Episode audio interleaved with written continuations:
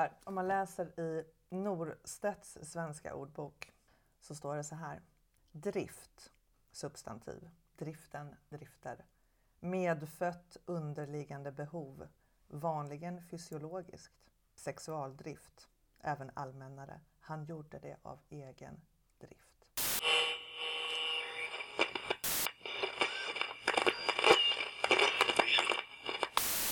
Rainbow,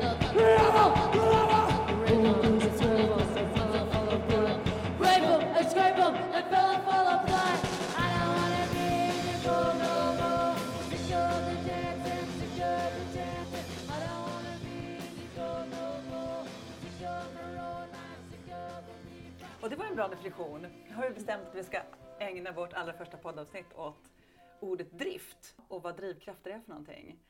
Eh, och vad det är som gör att man har en drivkraft och vad det är som det betyder för olika människor och vad som det framförallt betyder att vara författare och ha en drift att skriva.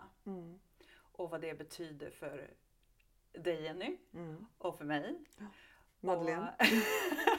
Och, och lite vad andra människor också har drivits till. Ja.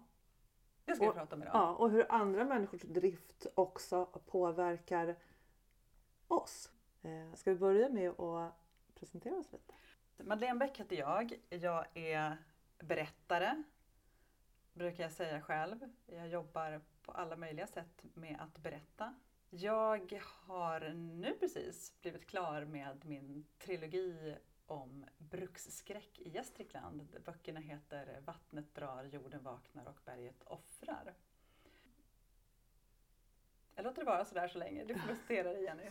Ja, jag heter Jenny Lundin och jag skriver. Jag är fortfarande någonstans i den här situationen där jag inte riktigt vet om jag faktiskt ska kalla mig författare eller inte. Nej, det stämmer inte. Jag kallar mig, jag kallar mig författare. Jag, jag skriver väldigt mycket. Eh, tillbringar en stor del av min vakna tid med att skriva. Eh, När vi pratade om den här podden så kom vi på att vi skulle kalla den för Skräckologerna. Och det har ju många olika orsaker. Dels att vi är ganska nördiga och gillar att grotta ner oss i saker om och om, och om igen och prata om det ganska mycket. älta lite kanske. Älta. Eh, men också kom vi på att vi på något sätt är låger på olika sätt. Mm. Jag är en gång i tiden biolog Mm. Och jag är medeltidsarkeolog. och nu har våra drifter tagit oss till att bli skräckologer. Ja, och det är ju rätt spännande tycker jag. Eh, och just det här, just den här under, alltså det här undersökandet.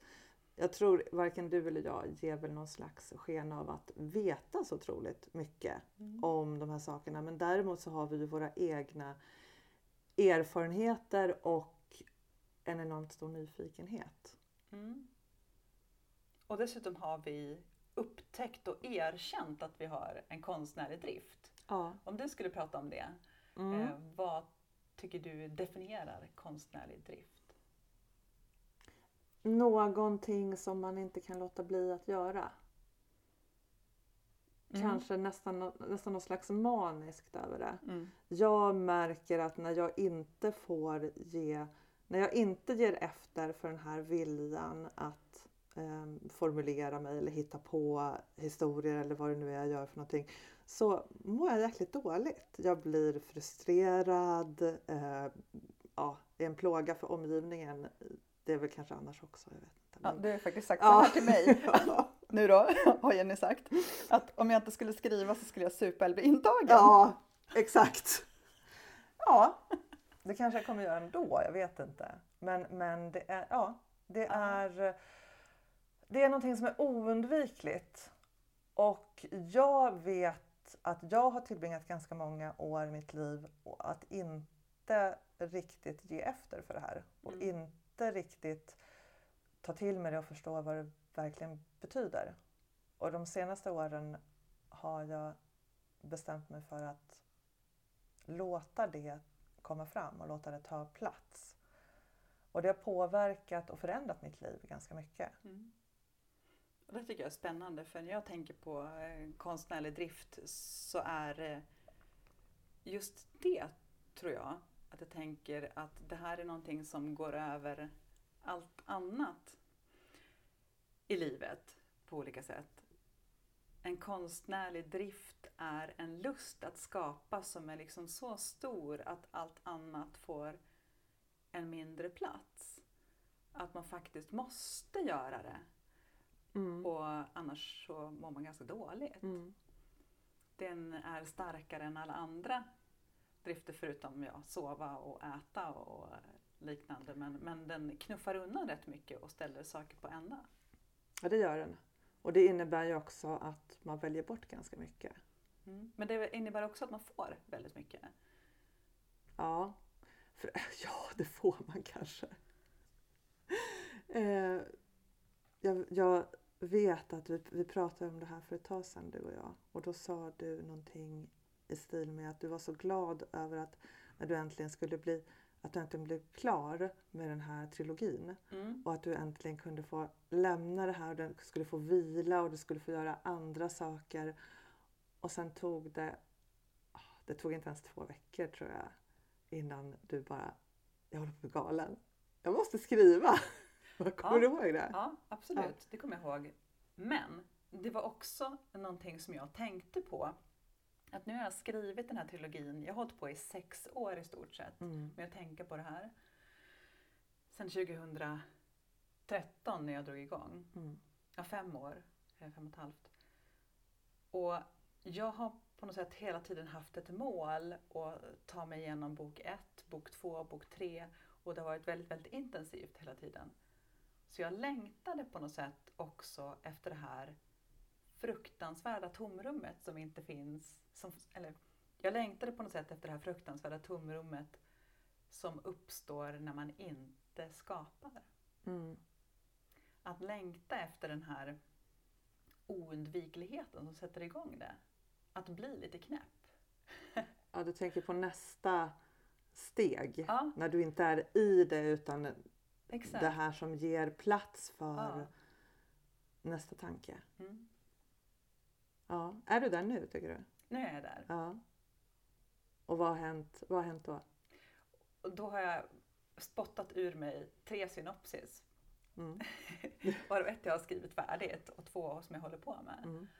Eh, och sen så har jag flera andra idéer som, som bara kommer. Och det är ju fantastiskt. Också otäckt, för jag vet inte vad det ska bli av det. Men det är ju fantastiskt att, att det här bara kommer. Ja.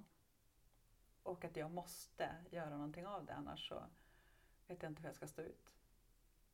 Innan då? Innan du bestämde dig för att nu ska jag göra det här. Nu har jag den här idén som jag ska göra någonting av.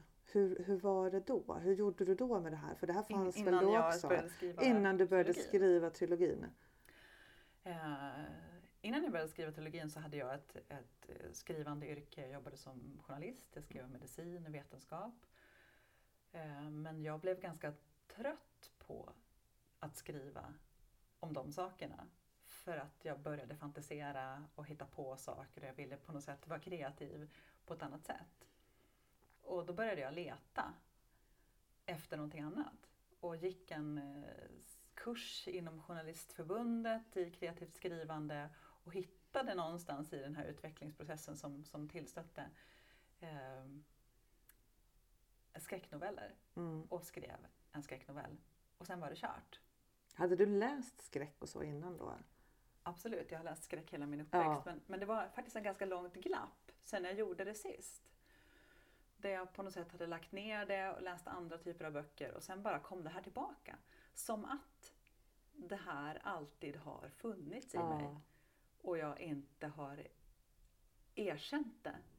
Men när jag väl började så var det som så här att öppna ett litet hål som sen bara exploderade. Mm. Och så Någon bara, slags uppenbarelse? ja, Mm. och sen var det kört. Mm. Och då kom allt det här. Eh, och hur jag fick ur mig en trilogi, det kan jag fortfarande inte förklara. Men, men jag skyller på drift. Ja. Jag är en sån här, jag ville ju alltid bli författare. Det var min barndomsdröm. Jag ville bli sjöman ett tag också.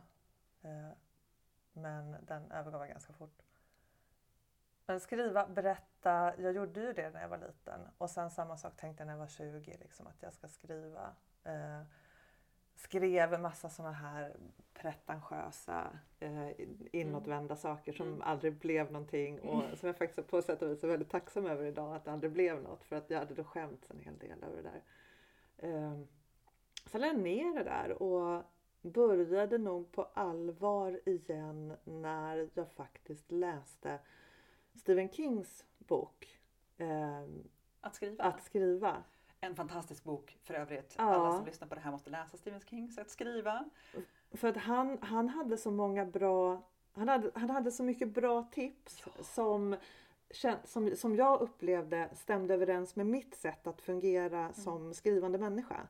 Eh, det, var, det var i överensstämmelse till skillnad från många andra tips jag hade läst där det handlade om så här, struktur, struktur, struktur och då dog allting redan innan jag hann börja. Medan Stephen King tyckte att det här är som en utgrävning. Men visst var den Det var, fantastisk? den är liknelse helt fantastisk. underbar. ja, jag älskar den. Jag tänker fortfarande på den ibland. Just Kan här. du säga hur den är? Att, ja, den är, det går ut ungefär kan jag säga hur den är. Så I Mm. mitt huvud så är den i alla fall så här nu att, att det är som man har någon slags idé som man Mm. börjar gräva fram. Eh, och det är som en, ut, ja, som en utgrävning, alltså som en arkeologisk utgrävning. Du börjar blottlägga någonting och så ser du, du får fram mer och mer av det här och ibland är det någonting helt annat än du kanske har tänkt dig från början. Ibland är det någonting stort och fantastiskt och ibland är det kanske bara en liten skärva. Men du blir också bättre, ju, ju mer du gräver desto bättre blir du på att faktiskt få fram allt eller större delar av det här som ligger dolt i jorden.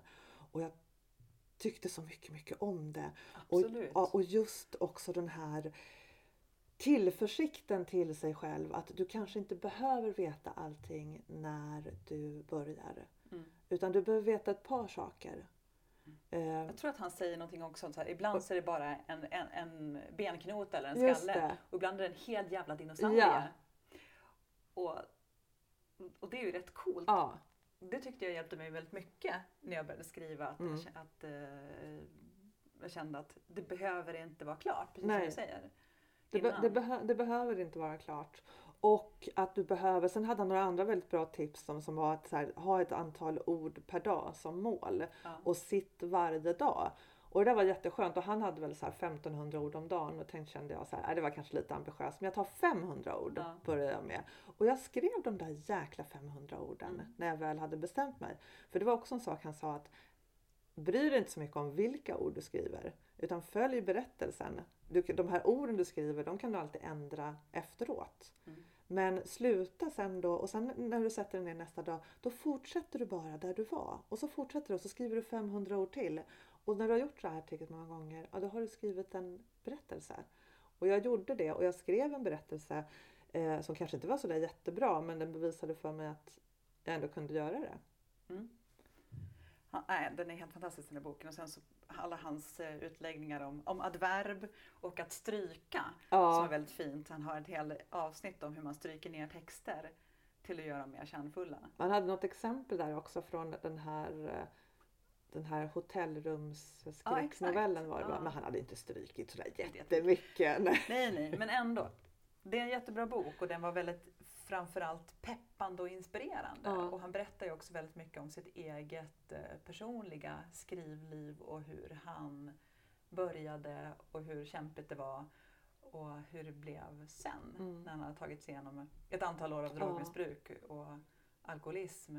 Och en annan grej han sidan. gjorde som också kanske har med drift att göra tänker jag. Mm. Det var den här, han beskriver hur han satt i deras tvättstuga på kvällen och skrev. Exakt. Det här bilden har satt sig ja, fast i mig också. ja. Hur han sitter där inklämd för Ja. att det är det enda stället som finns att skriva på.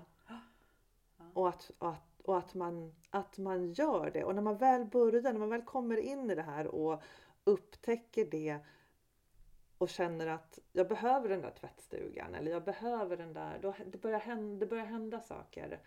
Eh, det var då någonstans jag började ta det där på allvar. Sen skrev jag efter den romanen som blev refuserad så skrev jag några noveller där jag kände att jag nu ska skriva det jag verkligen vill göra och ja, gå loss ganska hårt. Och tänkte att det här, kommer, det här är helt vansinnigt, ingen kommer någonsin vilja läsa det här. Eh, och så blev de publicerade och ganska väl mottagna. Och det var ungefär all den bekräftelse jag behövde på att okej, jag kan faktiskt fortsätta göra det här. Det är inte helt vansinnigt. Drift hänger väldigt mycket ihop med hur man tar sig tid att skriva. För den frågan har jag fått väldigt många gånger i olika intervjuer. Men hur har du tid? Ja. Hur hinner du med? Och hur tar man sig tid att skriva? Och hur gör man? Och jag har inte tid säger någon. Och Mm. säger det skulle aldrig gå för jag har det här och det här och det här. Och det är här någonstans som det här svaret på vad konstnärlig drift är för någonting. För att när den har väl har kickats igång så Mm. har du inget val. Utan du måste göra plats för den här skrivandet eller ditt skapande på något sätt. Och då ryker en massa annat. Och det kan vara sociala relationer, det kan vara förändringar i ditt liv, det kan vara ditt arbete som du kommer att ändra fast du Mm. inte vet det när du börjar. Så att svaret på den här frågan, hur får man tid att skriva? Det får du inte, det tar du. Mm. För Mm. du måste bara bestämma dig. Och har du inte den här driften att vilja bli klar Mm. så kommer det inte hända någonting. Men vad har du vad har du gett upp då? Eller tagit undan eller har förändrat Mm. sig för Det här är dig? jättespännande. För Nu pratar man om, om driften då. Och vad, vad, vad händer med Ja. Vad är konsekvenserna av Ja. att ha en konstnärlig drift när man erkänner att man har det? Det har hänt jättemånga saker i mitt liv under de här sex åren som jag har skrivit de här böckerna. Jag har eh, träffat en hel massa nya människor som jag aldrig hade träffat annars. Mm. Utökat mitt kontaktnät med fler skapande människor, fler författande människor som jag har jätteroligt tillsammans Mm. med och ett väldigt stort utbyte. Jag träffade dig Mm. mitt i det Mm. här. Otroligt Eh, värdefullt kan jag säga. Ja. Verkligen. Eh, som en side-note, att jag träffade dig Jenny och att vi började samarbeta på Mm. olika sätt har ju gjort att, att mitt skapande har vuxit Mm. stort. Och det- vi tänker väldigt ja. lika. Det gör vi. Och det är helt ömsesidigt. Du har betytt otroligt mycket för mig. Och det är så skönt att ha en person som jag känner med dig. Att du... Det är inget tjafs. Du, man, du läser en text och du går direkt på liksom det här där jag märker att jag kanske har slarvat lite eller varit lite sådär. Och att du inte behöver linda in, det älskar jag ju. Att du inte lindar in grejer. Utan att du är liksom bara så här, "Ja, men du det här då? Det här ordet på sidan 27, Ja. det kanske du ska tänka lite på. Ja. Jag bara, ja, såg du det? Nej, men det är ju faktiskt en av de här konsekvenserna av driften att jag har träffat dig och att vi har liksom fått ett konstnärligt samspel Mm. som är helt otroligt. Mm. Som är oumbärligt för att jag ska Mm. kunna skriva. Att jag kan ringa till någon och säga så här, ah, jag är mitt uppe i det här, i den här första kapitlet du vet Mm. och nu ska hon göra det här och det här. Och så har jag fastnat på det här. Och bara, ah, hur har du tänkt då? Och så reder vi ut det där tillsammans. Mm. Eller som när du någon gång har kört fast och säger så här, "Nej, jag vet inte, jag ska fortsätta. Och så bara lägger du ner. Ja. Och så håller jag på att insistera på att men prata om det då. Mm. Jag vill inte prata om det. Säger du då. Och så pratar vi om det i alla fall. Och, så, och vad händer då? Och så löser det sig. ja, För att, ja, jag vet. Det är helt otroligt. Ja. Fler konsekvenser av den här eh, driften eh, har varit att jag har bytt jobb Mm. flera gånger. Att jag har valt andra typer av arbeten som har gjort att jag inte tappar ut min kreativitet på jobbet. Alltså, det finns olika typer av kreativitet men jag upptäckte att jag inte kunde fortsätta som journalist till exempel. För att jag kunde inte ägna dagarna åt att skriva artiklar och sen skriva böcker på kvällarna. Nej, vad hände då? För då var det som att man har, eller jag upplever som att jag har en tank med, med ord Mm. på något sätt som jag måste vara rädd om. Och bör, öppnar jag den kranen under dagen och släpper ut alla de här orden och, och, och är i den tankeprocessen så slut? har jag inget kvar. Mm. Så då har jag gjort andra saker eh, som inte har med att jag måste skriva en hel radda ord varje dag. Sen en stor konsekvens av driften som är mindre konkret Ja. men som är intressant och som jag tror att väldigt få kanske tänker på. Man tänker så här, jag ska skriva en bok och åh, jag ser framför mig att jag ska sitta och dricka kaffe och ibland ska jag dricka vin och jag ska skriva den här boken och det kommer vara så himla mysigt. Jag ska vara där och där och där. Ja, och det är det. Mm. Jag Men tänkte det- det, gör du inte det då? Jo, men Ja. nu ska jag komma till det, det riktigt intressanta. det som händer också, det är att när du börjar skapa någonting, för att det ska komma ut så måste du ta bort ganska mycket delar av dig själv som du har lagt utanpå en Mm. fasad.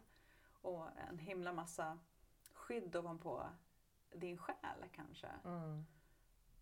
Och den, den ytan mellan din själ och det du skapar måste bli flortunn för att det ska kunna gå saker därigenom. Så ser jag på det på något sätt, en slags vibrerande skikt Mm där man måste både släppa in och, och släppa ut.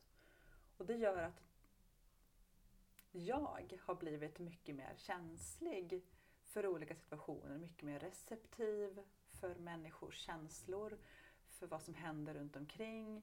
Jag har gjort andra val i mitt liv baserade på mina känslor som jag kanske inte har, har eh, erkänt förut. Mm. Man måste blottlägga någon slags nerver eller någon slags sårbarhet. Och det är man kanske inte, eller det var nog inte jag riktigt medveten om när jag började göra det här. Att det är, in, det är inte bara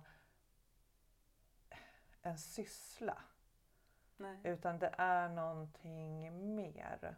Det här på, jag, man hittar på berättelser men de här berättelserna hittar på en själv lika mycket. Mm. Alltså någonstans är det som att historien skriver författaren menar du då? eh, Rent konkret? lika, lika mycket som att, att eh, jag tror, sen hur, hur jag gör, jag hanterar ju, jag skriver ju lite, det är ju lite terapeutiskt på något sätt. I och med att även om det inte är självbiografiskt så hämtar man ju alltid ifrån sig själv. Eller man, jag, Mm. jag hämtar Mm. från mig själv. Sen är det, sen kan det vara det behöver inte vara mer en, tank, alltså en tankeprocess som jag beskriver. Men, men allting har ju ursprung i, i det jag tänker, det jag fascineras av, det jag ser eh, i världen. Vilket gör att det här är ett sätt för mig att, att bearbeta omvärlden och därför förändra när jag genomgår en process, när jag skriver en, en, en berättelse eller vad det kan vara, så, så lämnar också den ett avtryck i mig. Men kan du ge ett konkret exempel? Vad har hänt? Kan man ge konkreta exempel på, på sådana saker? Eh, kan man det? Jag vet inte.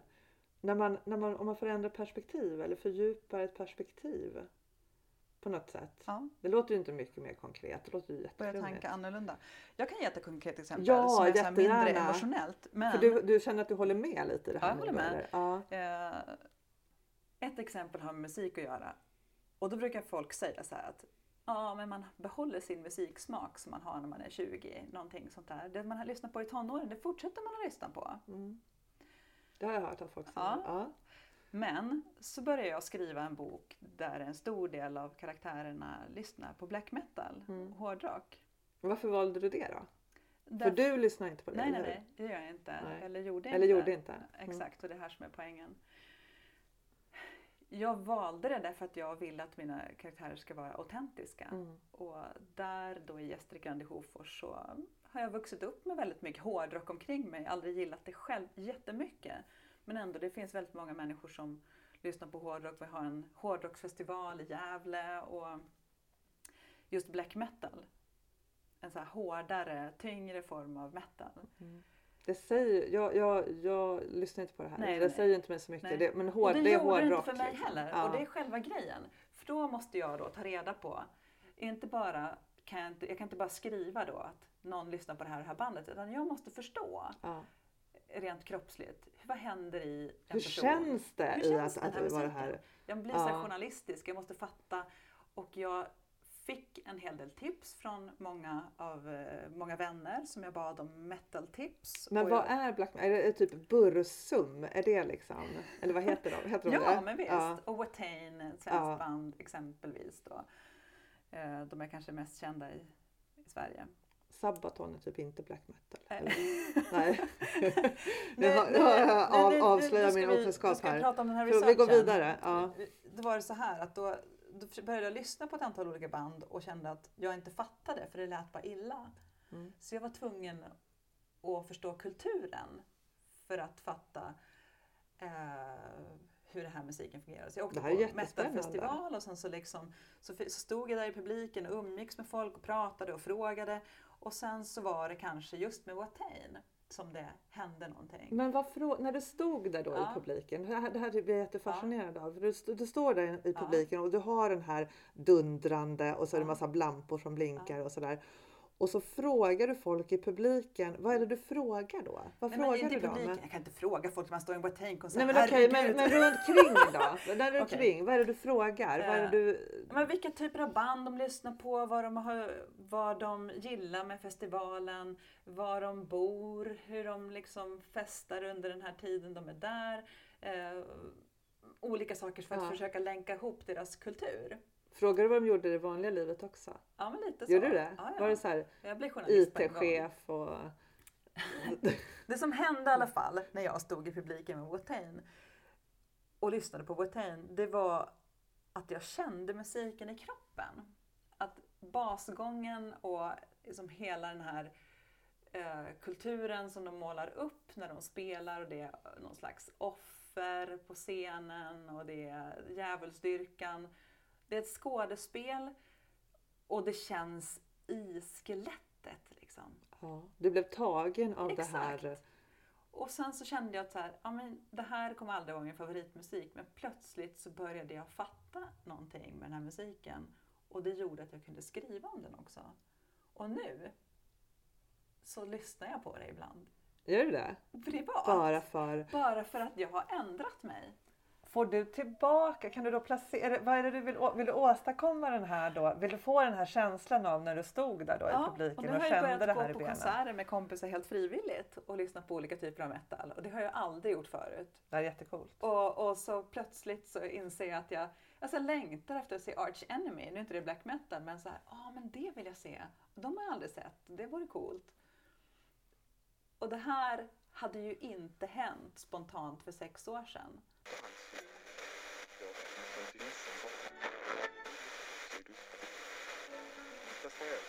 Konsekvensen av den här konstnärliga driften, att den sker på bekostnad av självbevarelsedriften.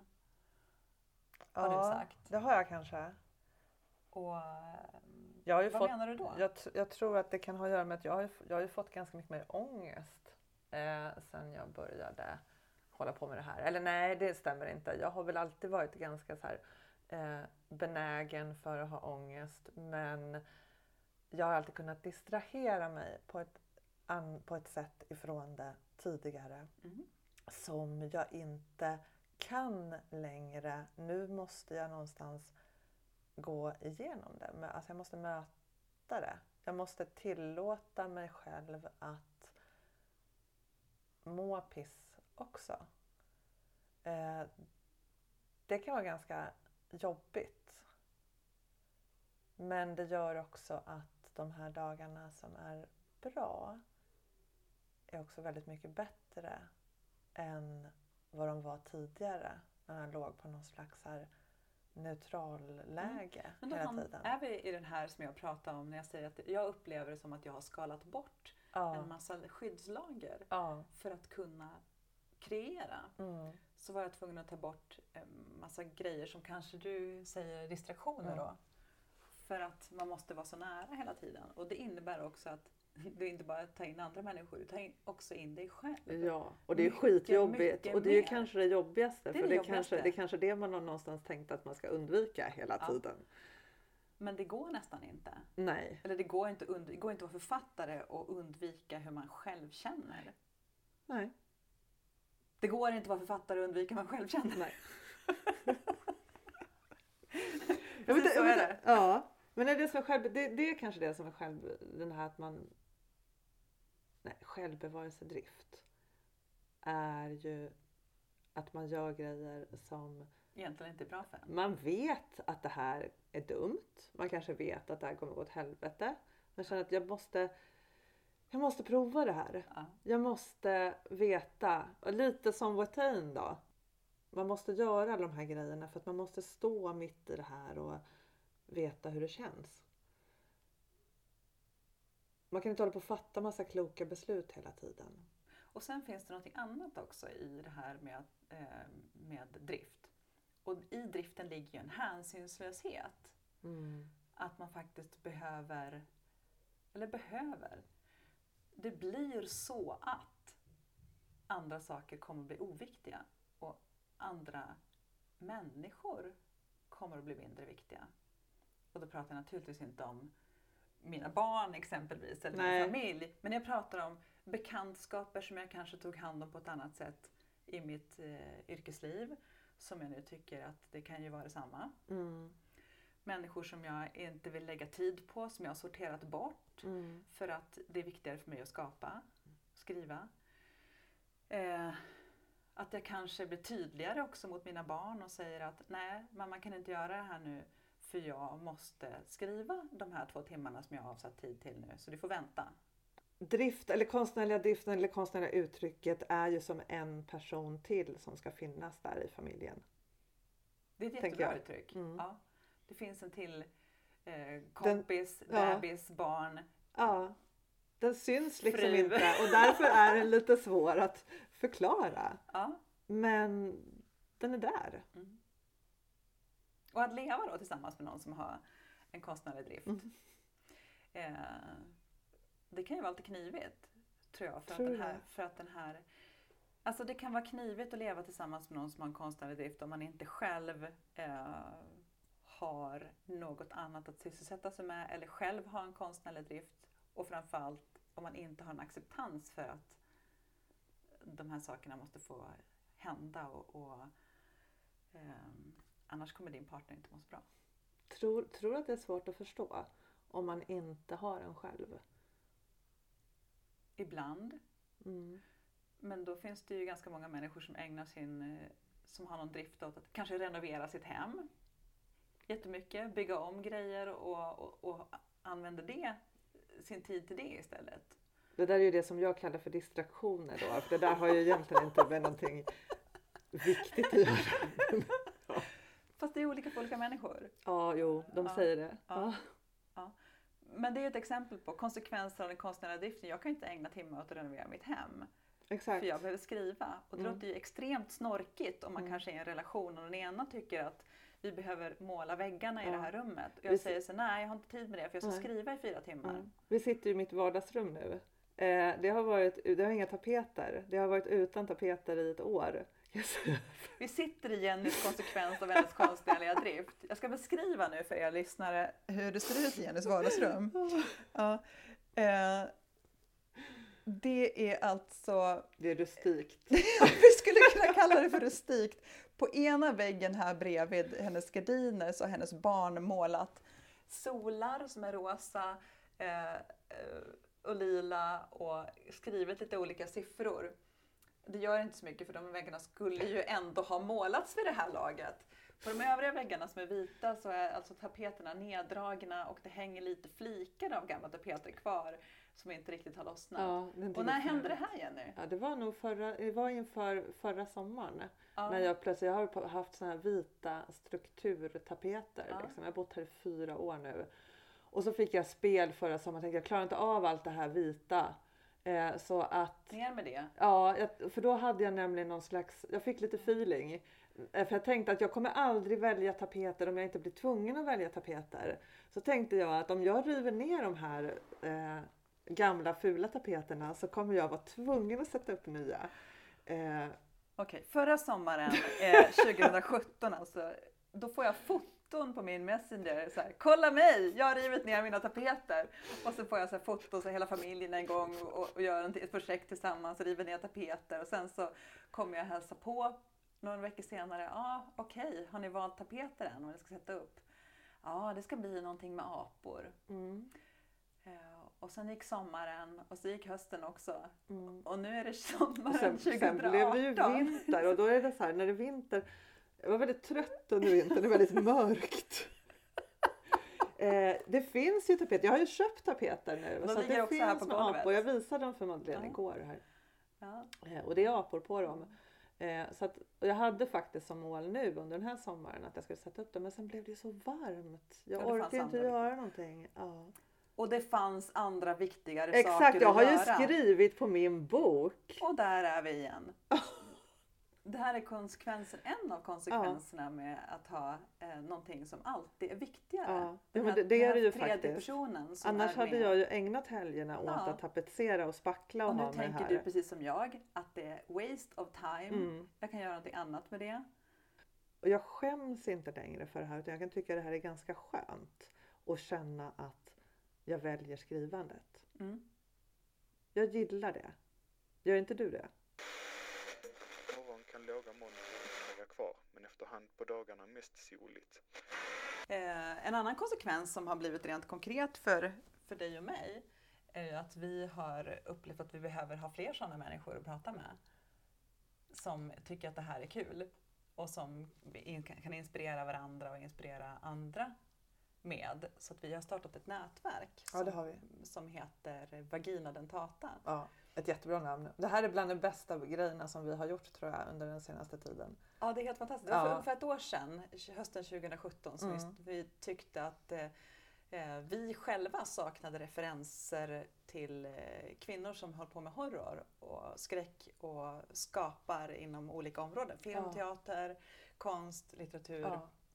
Så då bestämde vi oss för att själva bygga ett sådant Mm. nätverk för att hjälpa andra, hjälpa oss själva, inspirera andra och att vi liksom skulle få nya idéer och referenser. ja, Och det har vi gjort. Ja, det har vi gjort. Och det har varit så fantastiskt och det har varit så givande och så otroligt eh, positiva, vad ska vi säga, vad heter det?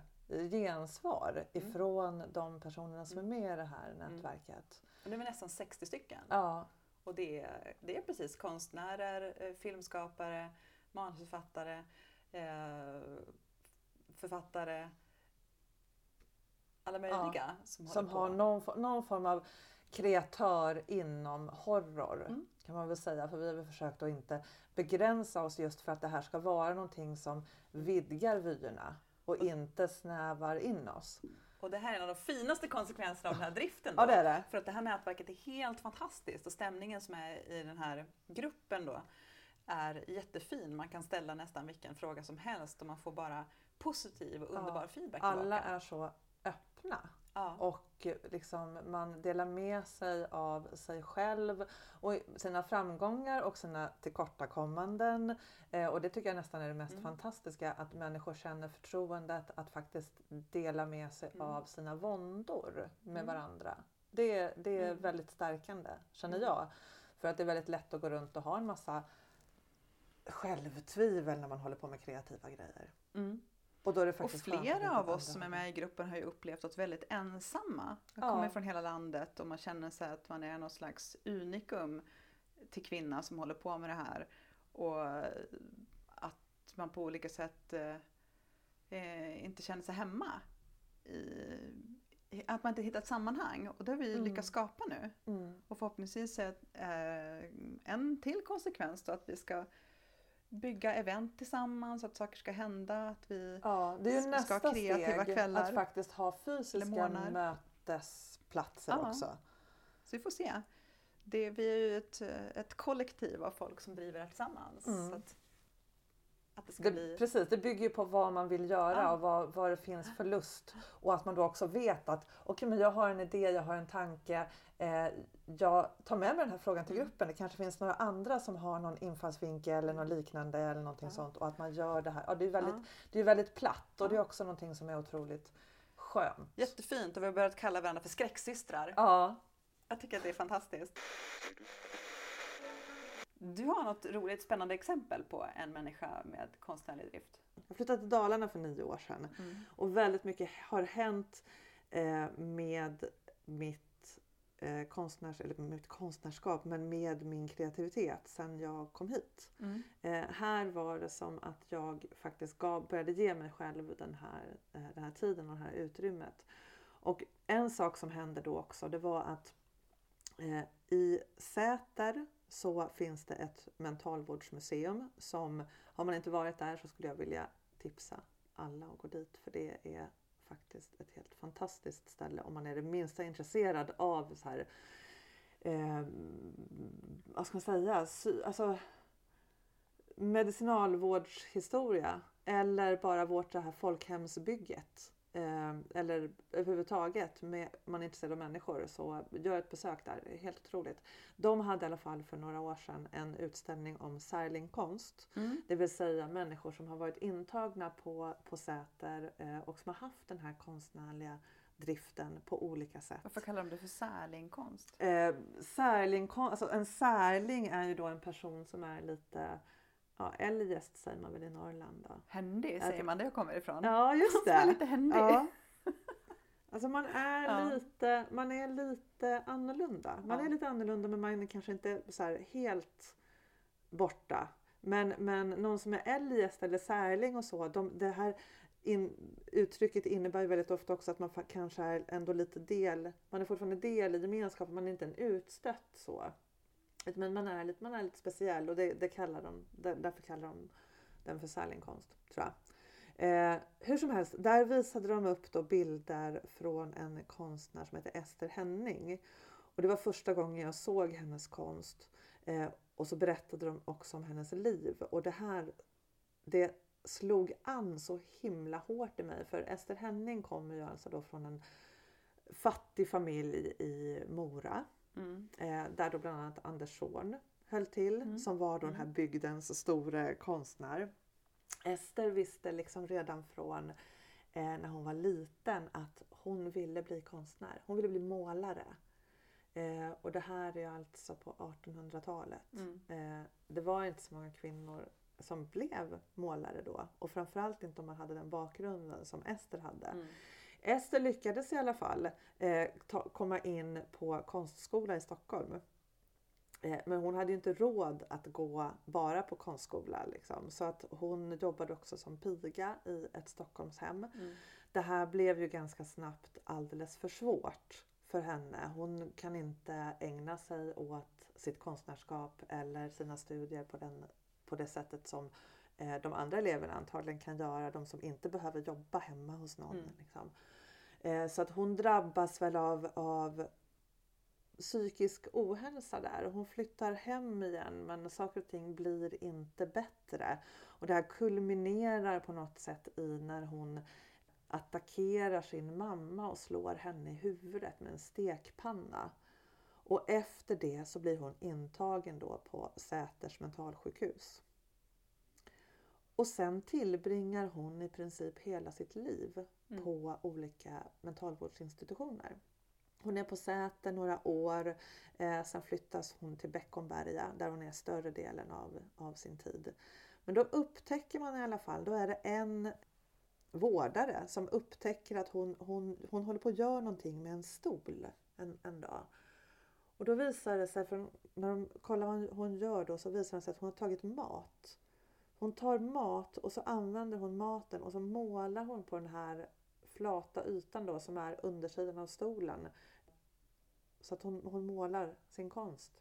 Hon använder mat och en stol Mm, för att kunna ge mm. uttryck för det här som hon har så starkt Ja. liksom, Och i vad var det det sig. slog an i dig då? Att läsa eller att, eh, Den här historien om henne? den, det här som går igenom allt.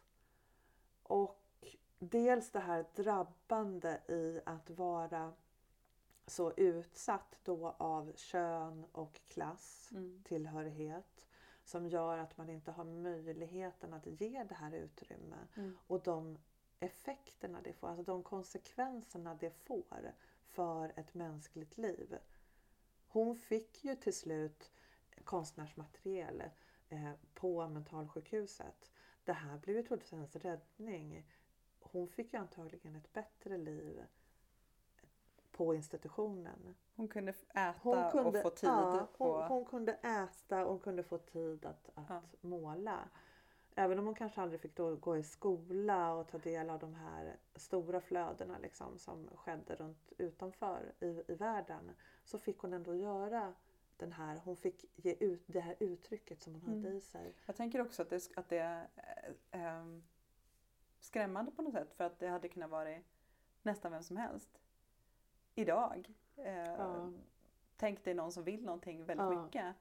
Och sen eh, idag så finns det ju studiemedel och, och de flesta kan liksom ta sig framåt, göra en Mm. klassresa eller ta sig till något annat jobb. Eller man kan också bli konstnär oavsett bakgrund faktiskt i Sverige. För man kan gå i sko- Ja. på en skola och få studiemedel.